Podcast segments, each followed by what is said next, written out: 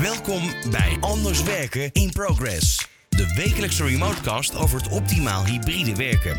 Waarbij we met ondernemers, directeuren, managers en specialisten in gesprek gaan over hoe zij dit aanpakken en waar zij zoal tegenaan lopen.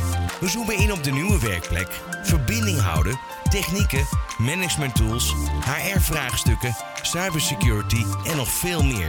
Elke keer weer een andere invalshoek en stof tot nadenken. Voorheen was de toekomst van werken vrij duidelijk. Laten we eens vooruitkijken, want de toekomst van werken is totaal anders. Onze manier van werken keerde zichzelf volledig op zijn kop en dat zal niet meer teruggaan naar de situatie die we ooit gewend waren.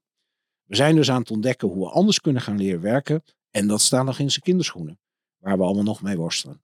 Waar lopen we zoal tegenaan en hoe kunnen we dit effectief gaan aanpakken? Daarover ga ik vandaag in gesprek met onze studiogasten om te ontdekken waar we nu staan en welke uitdagingen er nog voor ons liggen.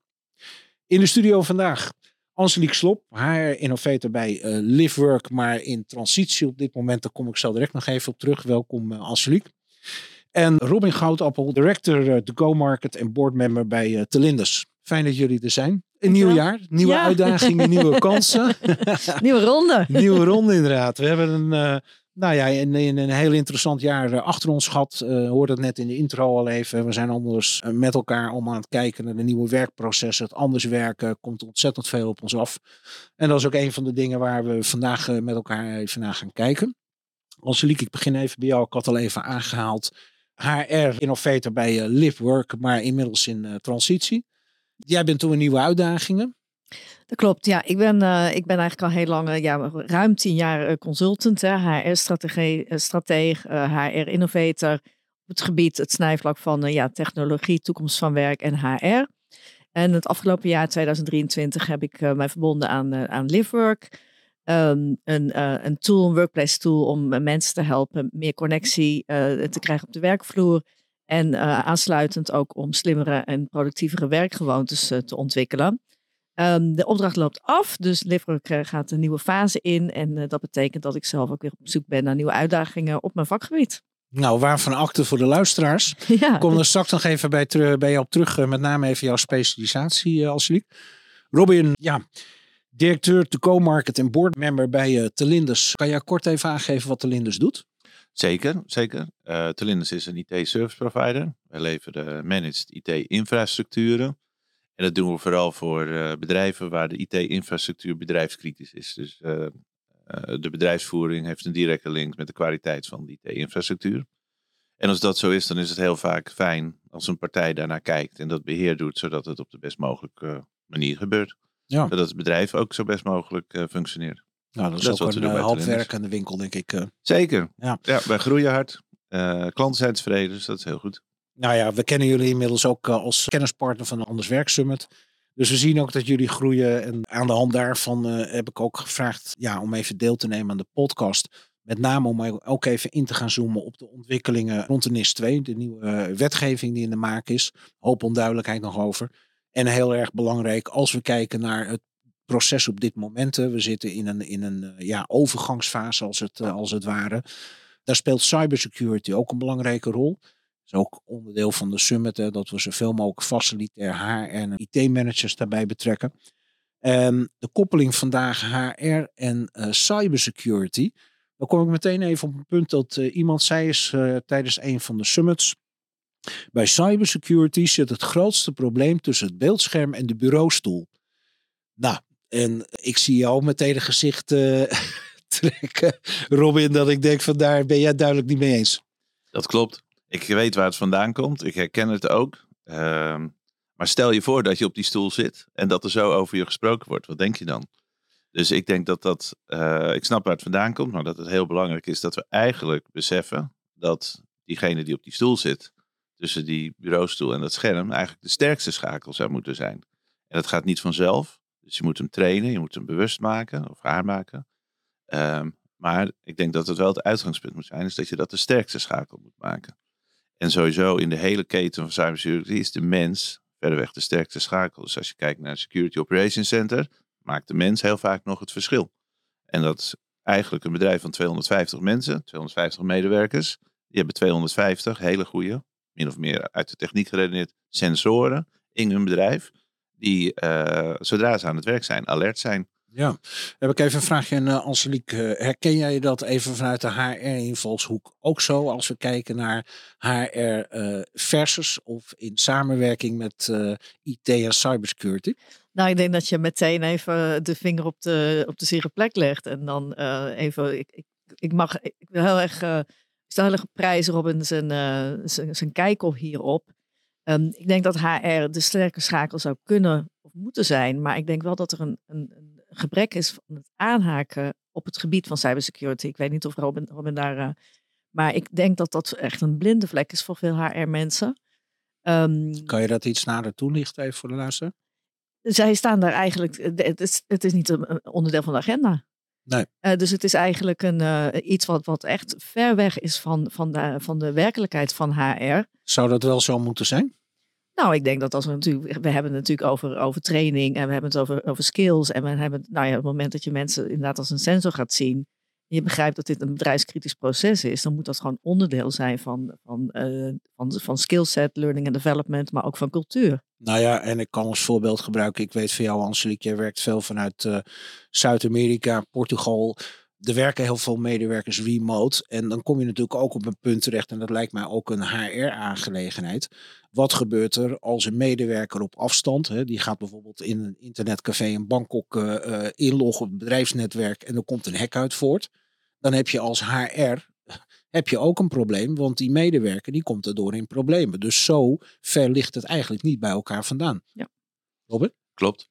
Um, er is een technische invulling van het probleem en een human factor die je ja. ja. moet benoemen, zeg maar.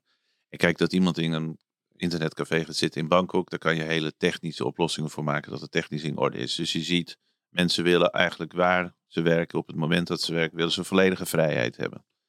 Uh, en aan de technische kant zie je ook dat de infrastructuur verandert, steeds meer cloud. Nou, daar heb je partijen voor die dat doen. Technisch is het allemaal niet zo heel ingewikkeld. Je moet het wel zorgvuldig en goed doen. Uh, maar het gaat erom inderdaad dat de onboarding van een bedrijf, als een medewerker bij jou in het bedrijf komt, dat die onboarding goed is en dat daar ook aandacht is voor cybersecurity. En dat mensen bewust zijn van de processen die er maar zijn. Maar dat is toch vanzelfsprekend, of vergis ik me daarin? Nee, het is niet zelfsprekend. Dus, um, en dat is denk ik ook wat Angelique bedoelt. Um, mijn benadering zou zijn, het is de sterkste schakel, maar dat gaat niet vanzelf. En ik denk dat het bij heel veel bedrijven goed gebeurt en steeds beter gebeurt. Maar er is ook nog een groep uh, waar het veel meer aandacht verdient. En als ik een klein zijstapje maak, we hadden het even kort over NIS 2. We hebben daar een onderzoek aan gedaan. 38% van de bedrijven, van de respondenten, respondanten, hebben nog niks gedaan. Hoeveel tijd heeft men nog? Nou, het wordt in 24, dus uh, dit jaar wordt het geïmplementeerd. Het zal waarschijnlijk najaar worden. Het zal najaar worden. Maar en dat, is, ja. dat is dan wetgeving. Hè? Want waar het voor mij eigenlijk om gaat, is hoe wil je als bedrijf met mijn kroonjuwelen, waar ik zuinig op ben, waar ik in geïnvesteerd heb, hoe wil je daarmee omgaan? Dat geldt voor de medewerkers en dat geldt voor de techniek. En, en wat jij zegt, het gaat over, staat het op de agenda of niet? Ik denk dat we daar wel een stap in moeten maken. Dus over kroonjuwelen, dat is weer nou, data gedreven, zeg maar. Maar waar het eigenlijk over gaat is, hoe competitief blijf ik in de toekomst? Dus als ik investeer in informatie die waarde heeft voor mijn klanten, dan wil ik graag dat dat voor mij blijft, want dan kan ik zorgen dat het rendeert. En daar gaat het over. Dus het gaat over competitie en concurrentiekracht in de toekomst. Dus gewoon het voortbestaan van je bedrijf. De, het perspectief van je medewerkers. Kunnen we groeien of uh, krijgen we problemen? Even, en daar uh, gaat het over met human factor en cybersecurity. Ja, ja.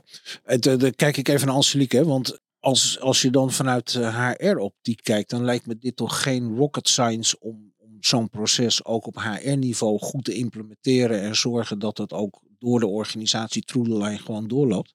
Ook bij onboarding, uh, whatever. Dat, uh, dat, dat is op zich geen rocket science, maar er zit nog wel iets diepere lagen in. Hè? Het gaat ook echt om, om, om een, bewustwording uh, dat ook een stuk cultuur is. En we weten allemaal, cultuurverandering duurt langer. Bedoel, ik, uh, ik zie in een coworking space zie ik mensen weglopen van hun computer om naar het toilet te gaan, terwijl ze hun computer niet. Uh, ik zie mensen, ik weet dat mensen op wifi vliegvelden inloggen. Je ziet een zakenpersoon, een, een, een directeur, uh, zat ik achterin. Ik zat in een vliegtuig, die zat een presentatie te werken en ik kon de bedrijfsnaam zien. En ik kon wat nummers voorbij zien komen waarvan ik dacht, nou, dit is dus voor iedereen die achter jou zit gewoon, gewoon zichtbaar. Ik weet niet hoe vertrouwelijk het is. Maar eh, dat zijn ook gewoon hele kleine dingen in gedrag. En dat is niet iets wat je heel simpel kunt inbouwen, omdat het veel verder gaat. Ehm, dus er zit daar zit dus een heel stuk educatie in.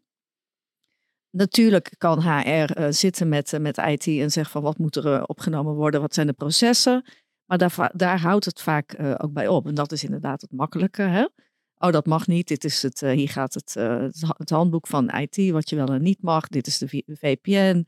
Je mag niet op een open wifi-netwerk. je mag niet vanuit Zuid-Amerika werken, maar wel vanuit een EU-land. Um, je mag niet op vakantie dit. Nou ja, hè, die procedures en die policies, die krijgen we nog wel in elkaar getimmerd. Um, uitvoering, bewaking, maar ook de stap verder gaan van het doordenken van hoe, wat, wat Robin al terecht aangeeft. Het gaat hier om je concurrentiekracht. Het gaat hier om het voortbestaan van je organisatie, het succes van je organisatie. En dat is een heel ander denkniveau. Um, en op die manier wordt daar niet, niet naar gekeken. Het is niet cybersecurity, het is niet een onderdeel van het wordt niet gezien, het wordt meer gezien als een, een hygiënefactor, uh, maar niet als het succes van de organisatie. Helemaal eens. En dus het gaat over de cultuur, wat Angelique net heel goed. En daar, eigenlijk kunnen we daar ook nog wel een stap in zetten en een dimensie toevoegen. Een echte veiligheidscultuur is een cultuur waarin je durft te zeggen: Ik heb een fout gemaakt. Was niet zo slim, ik heb het gedaan. En op deze manier is het ontstaan en ik vertel het je, zodat we ervan leren. Dus je ziet in de luchtvaart is dat heel succesvol. De luchtvaart is een van de veiligste sectoren of de manieren om te vervoeren. Dat is niet altijd zo geweest, maar dat is nu wel zo. Dus als een piloot een fout maakt, dan zegt hij, maakt hij een rapport. Hij zegt, jongens, ik heb me vergist, ik heb dit fout gedaan. Gelukkig is het niet fataal geweest. Maar ik vertel dit, zodat jij, collega, niet dezelfde fout maakt. Het trainingsprogramma wordt opgenomen. Precies. Om, ja, ja, en dat is een veel breder perspectief van cultuur. En dat moet je wel kunnen zeggen. Dus ik kan, moet gewoon kunnen zeggen, ik heb ergens op geklikt. Er is me tien keer verteld dat ik er niet op moet klikken. Ik heb het toch gedaan. En dat is niet erg. En ik vertel het je, omdat ik wil dat het jou niet ook gebeurt.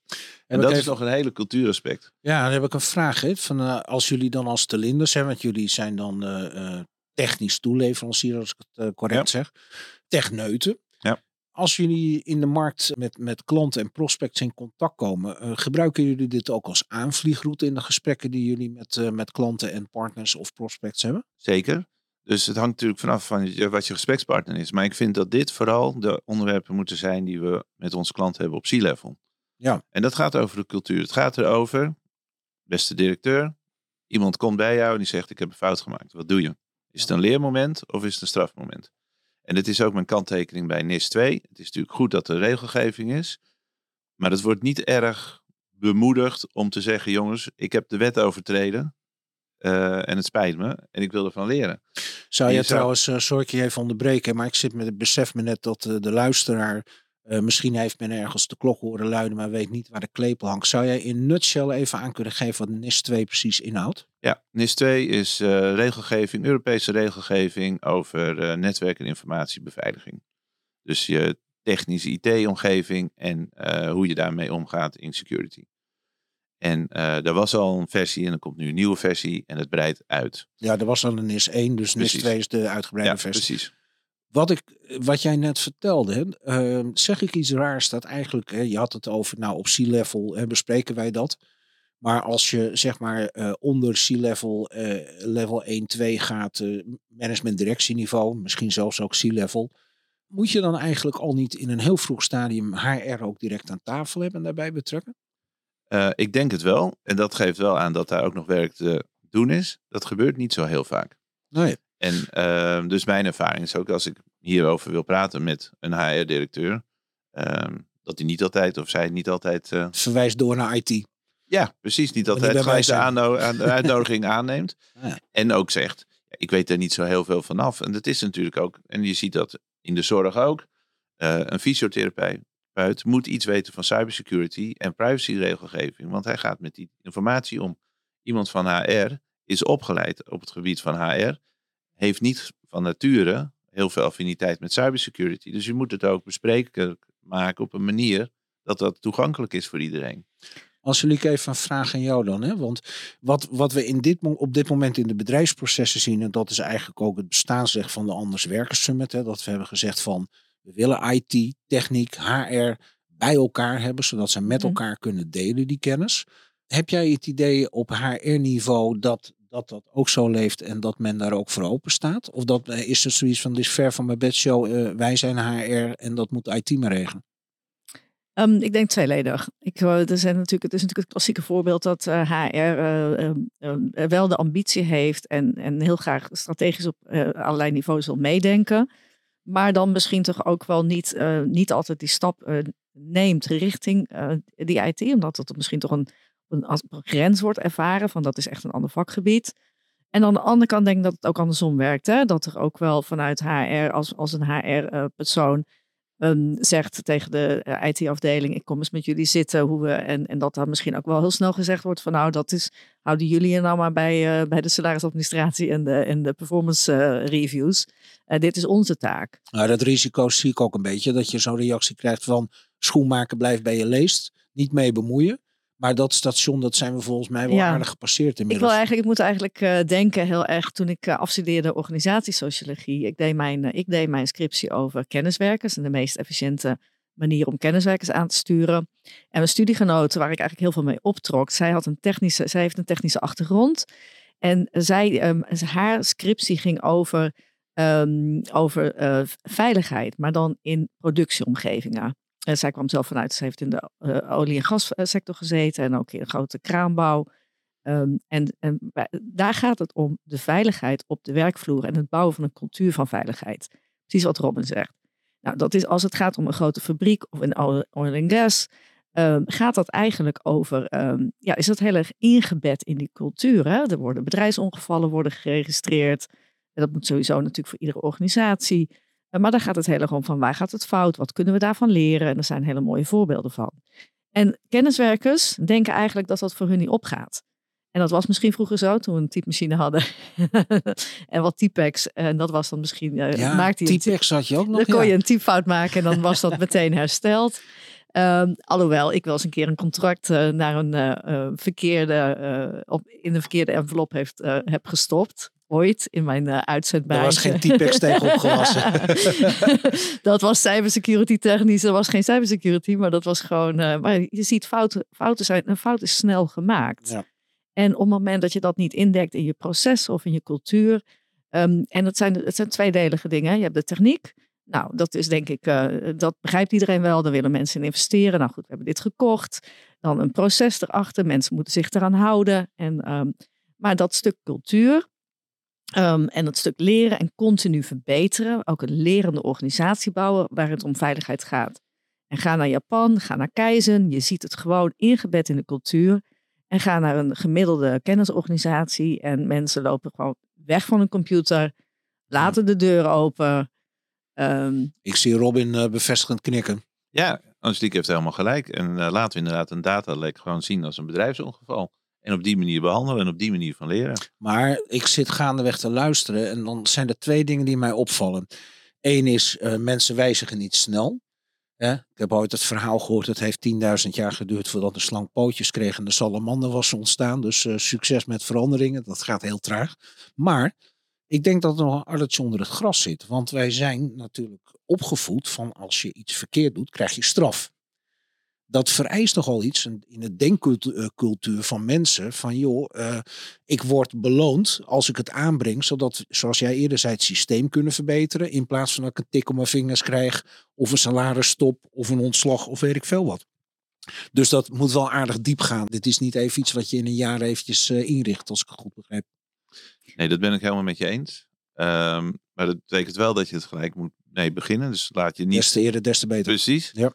En uh, laten we ons ook realiseren in wat voor tijd we zitten. Er zijn allerlei disrupties aan de gang. Ja. Um, het is heel belangrijk dat we ons aanpassen aan de omgeving waar we in zitten. Ik denk en dat, dat, we daar aandacht aan geven, dat we daar zo snel mogelijk en zo goed mogelijk ons aan aanpassen. Nou, ben ik volledig met je. Ik denk ook wat jij zegt, Robin, en ik denk dat we dat ook niet moeten vergeten. We zitten natuurlijk toch nog steeds in een soort van perfect storm. Er gebeurt ontzettend veel. Je zet de tijd waarin we zitten. En eigenlijk zitten we in een soort digitale transformatie, een overgangsfase, hoe je het ook wil noemen. En dat betekent ook dat je eigenlijk gelijke monniken, gelijke kappen. We moeten allemaal anders leren werken, anders met dingen om leren gaan en daar ook voor openstaan. Jij wilde er even op reageren, Ansie? Ja, ik moet denken, volgens mij, ik weet niet of we het hier aan tafel erover hebben gehad, maar volgens mij ging het de laatste keer, of ik heb het op een webinar gezien, over dat je, dat wat je kunt doen. En Robin, ik weet niet of je er ervaring mee hebt. Dat je eigenlijk een veilige omgeving, eh, dat je intern eh, een team opzet. eh, dat probeert het eigen systeem te hacken. Ja, dat hoor je vaker. En nou ja, dat soort, dat soort, dat zijn natuurlijk experimenten waarvan je denk ik heel veel kunt leren. En ik, ik trek hem dan graag een stap verder. En zeg van nou goed, op het moment dat je, dat je een jonge generatie gaat aannemen, nieuwe mensen die in de organisatie komen en die ook, waar je eigenlijk ook je proces op aan wil passen, van hoe willen hun nu werken. Maak zo'n hackathon hè, voor, voor, voor, voor, je, voor je jongste aanwas. Dus de mensen die dit jaar 2024 gaan beginnen. Laat die gewoon eh, tegen de, dat de zomer eh, eh, komt. Ehm, ja, probeer het systeem te hacken. Gewoon met allerlei suggesties komen. Dus interne processen. Ehm, maar dat kan ook gaan over, over cultuur. Hè. Het kan ook gaan over meer de, de werkstructuren. Nou, ik vind één ding Ja. wat je zegt, je had het over die hackathon. Hè, dat ik denk van tegenwoordig jong en oud, we zijn allemaal gek op gamen. Dit is ook een soort game, dus je kan er ook spelenderwijs iets leuks van maken en er nog een prijs aan vasthangen. Dus ik, ik vind Ja. het wel een enorm Zeker. leuke su- eh, suggestie en ook uitvoerbaar lijkt mij. Ja, ja, nou ja, ik heb het eigenlijk eh, gisteren heb ik het, eh, heb ik het eh, gehad eh, met, met, met, met iemand over eh, dat wij weten, en wij hebben het hier aan tafel steeds over, Robin geeft het nu ook aan. Eh, het, we zitten in een tijd van disruptie, we zitten in een tijd van hele snelle digitalisering. De wetgeving verandert op allerlei gebieden, hè, van, van gender gap closing tot aan nou deze cybersecurity wet. Er komen nieuwe generaties aan, eh, de wereld is heel snel in verandering. En heel veel mensen herkennen dit en zeggen er moet iets mee, er moet iets mee.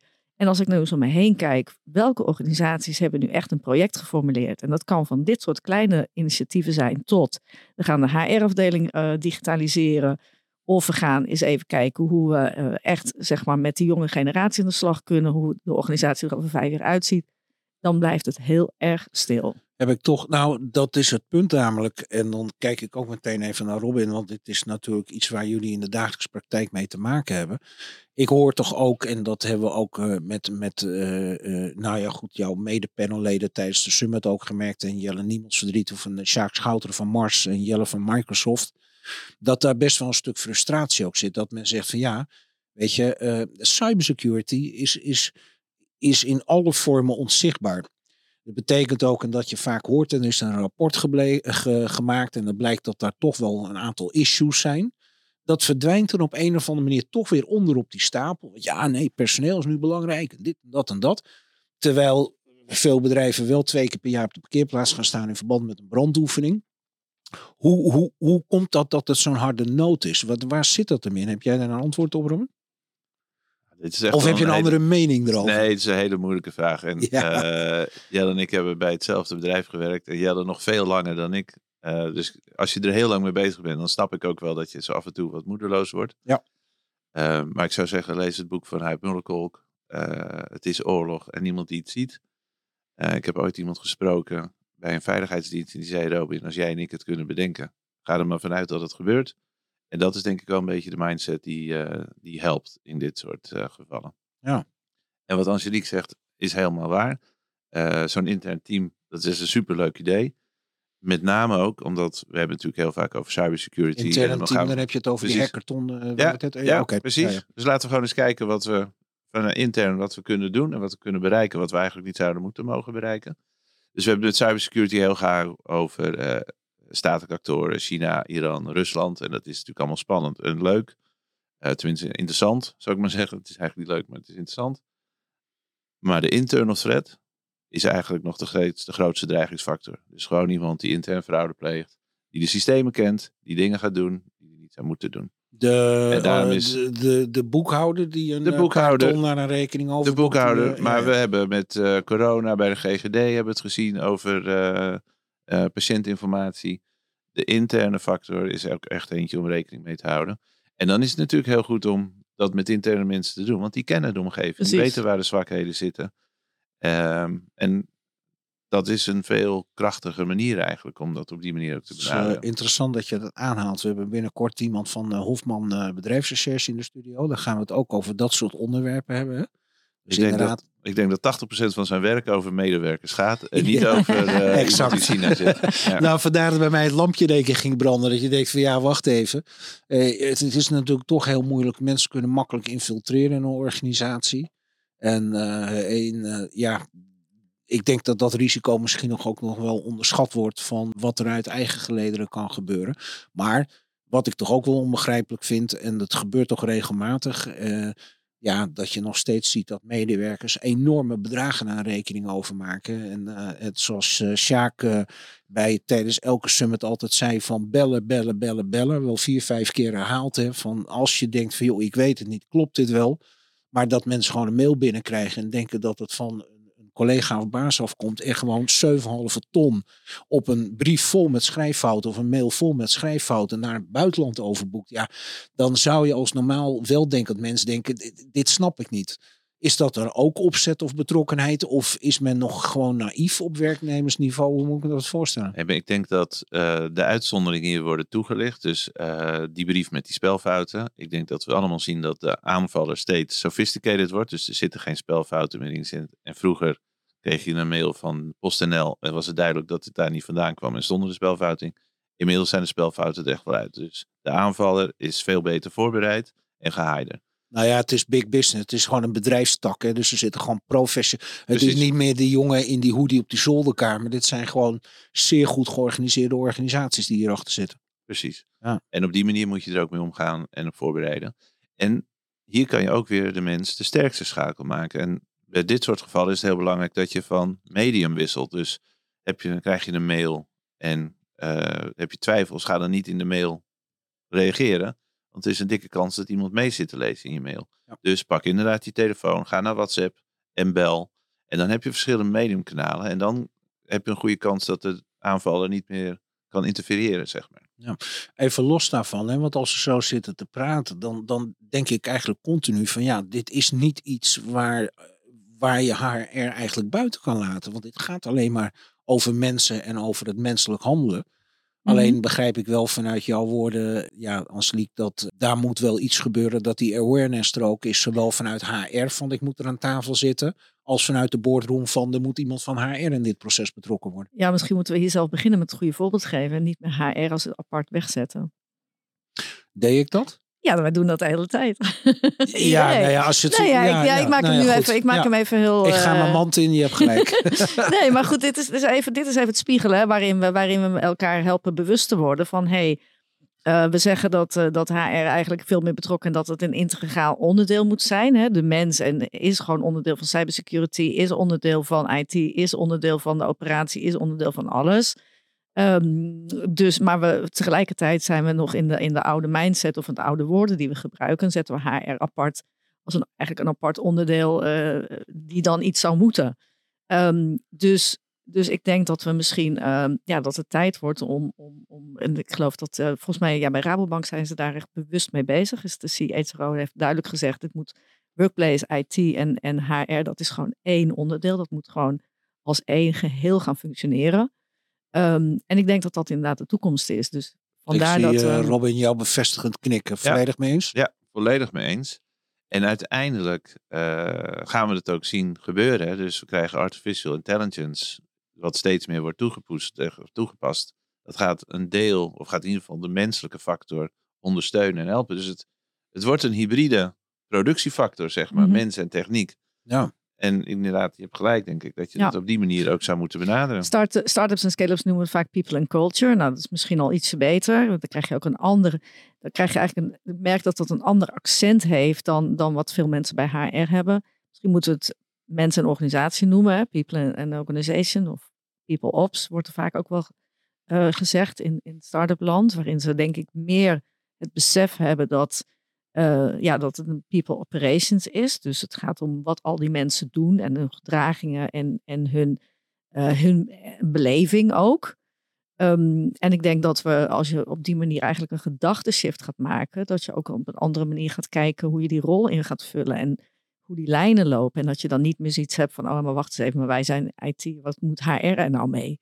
Wij hebben hier een proces en dat sturen we gewoon naar de mensen toe als ze in dienst komen en dat is het. Dus ik denk dat dat besef en dat gesprek, dat, dat, hè, dat, en iemand inderdaad die een opmerking maakt van, maar waarom noemen wij het dan nog steeds HR? Dat dat gewoon belangrijk is voor organisaties. Uh, om even die stap terug te nemen. Zeg, hoe zou het er dan wel uitzien op het moment dat we zo'n integratie gaan bereiken? Ja, duidelijk wat je zegt is, ehm, eh, en ook heel logisch, eh, tijd voor zelfreflectie. Terug de organisatie ingaan, ook kijken, hè, de medewerkers er ook bij betrekken. hè, Van jongens, waar staan jullie, hoe staan jullie er zelf in, noem maar op. En dan is het denk ik toch een stuk awareness van, het, het is een andere manier van denken en werken. Van om inderdaad ook in die overlegstructuren, terwijl je aan de ene kant ziet, alle processen binnen bedrijf, het is net een domino-effect. je tikt een steen aan en er vallen er een hele hoop om die een enorme impact binnen de organisatie hebben. Dus je ontkomt er eigenlijk niet meer aan om veel meer gezamenlijk met elkaar eh, rond de tafel te gaan zitten. En niet meer, de, eh, ik weet niet of ik het eh, overdrijf Robin, maar ik kan mijzelf herinneren dat vroeger was een IT-afdeling. Nou, dat was allemaal heel geheimzinnig en niks kon en alles was gevaarlijk. En oh nee, maar dat kan niet. En, en het zat altijd potdicht. Het was een soort uh, mysterieuze box. Vers natuurlijk ook van een, een IT-afdeling dat die zelf ook meer naar buiten toe komt en open gaat staan voor dingen. Klopt dat? Ik dacht dat je veel jonger was, uh, Mike, maar je hebt helemaal gelijk. ja, de, de, wat de schoonheidsspecialist er wel niet doet, hè? Dank je wel. Maar wat Angelique zegt, uh, dat is interessant en dat is ook leuk van dit soort sessies, dat je erover praat. Want People Ops, ik ken het niet, maar je hebt helemaal gelijk. Het is spijker op de knop. Op Ja. de kop. Ja. Echt interessant. Superleuk. Ja. Als we even kijken naar de processen die op dit moment lopen. Nou, we gaan straks tijdens de week van de Anders Summit eh, met jullie eh, ook als kennispartner er dieper op in. En op 18 juni is de volgende, de zesde editie van de Anders Werken Summit eh, er. Ik zei net de Anders Werken Summit, maar ik bedoel de week van het Anders Werken. Die in de derde week van maart gaat plaatsvinden.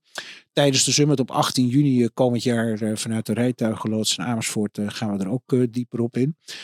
Zijn er bepaalde dingen op dit moment die jullie de luisteraar nog als takeaway mee zouden willen geven? Ja, ik wel. Ehm, dus ik neem de People Ops van Angelique, die neem ik mee. En die zou ik ook Ja, eh, adviseren, Ja. precies. Maar ik zou ook zeggen, omarm NIS 2 cybersecurity als kans om succesvol te zijn. Het is onderdeel van je training om succesvol te zijn. En eh, probeer het op die manier ook te benaderen als iets waar je gewoon heel goed in wil zijn. Omdat dat goed voor je bedrijf is, goed voor je klanten. En ik denk heel erg belangrijk, probeer met alles ook niet zelf het ei te leggen. Want ja, externe kunnen vaak heel goed. Hè, die hebben een bredere scope. Die zitten ook bij andere partijen. Dus die kunnen in ieder geval, al is het maar als voorste ruiter, maar eh, ook een stuk expertise inbrengen om dat proces aan te pakken. Dus mede omdat er ligt al een hoop op het bordje. hè, Van, waardoor het Ja. ook weer de kans krijgt van nou, nu even niet. Terwijl het wel ontzettend belangrijk is.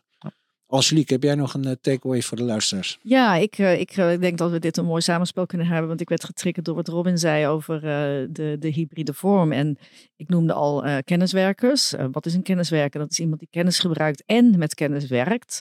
En kennis is ook data natuurlijk. Dus ehm, op het moment dat je eigenlijk dat gaat zien als een soort hybride vorm van je hebt die kenniswerker. Die, zit, zit een deel in, in het hoofd, maar die persoon werkt met kennis. En die persoon die, die kan de kennis laten weglekken, maar die kan de kennis ook beschermen.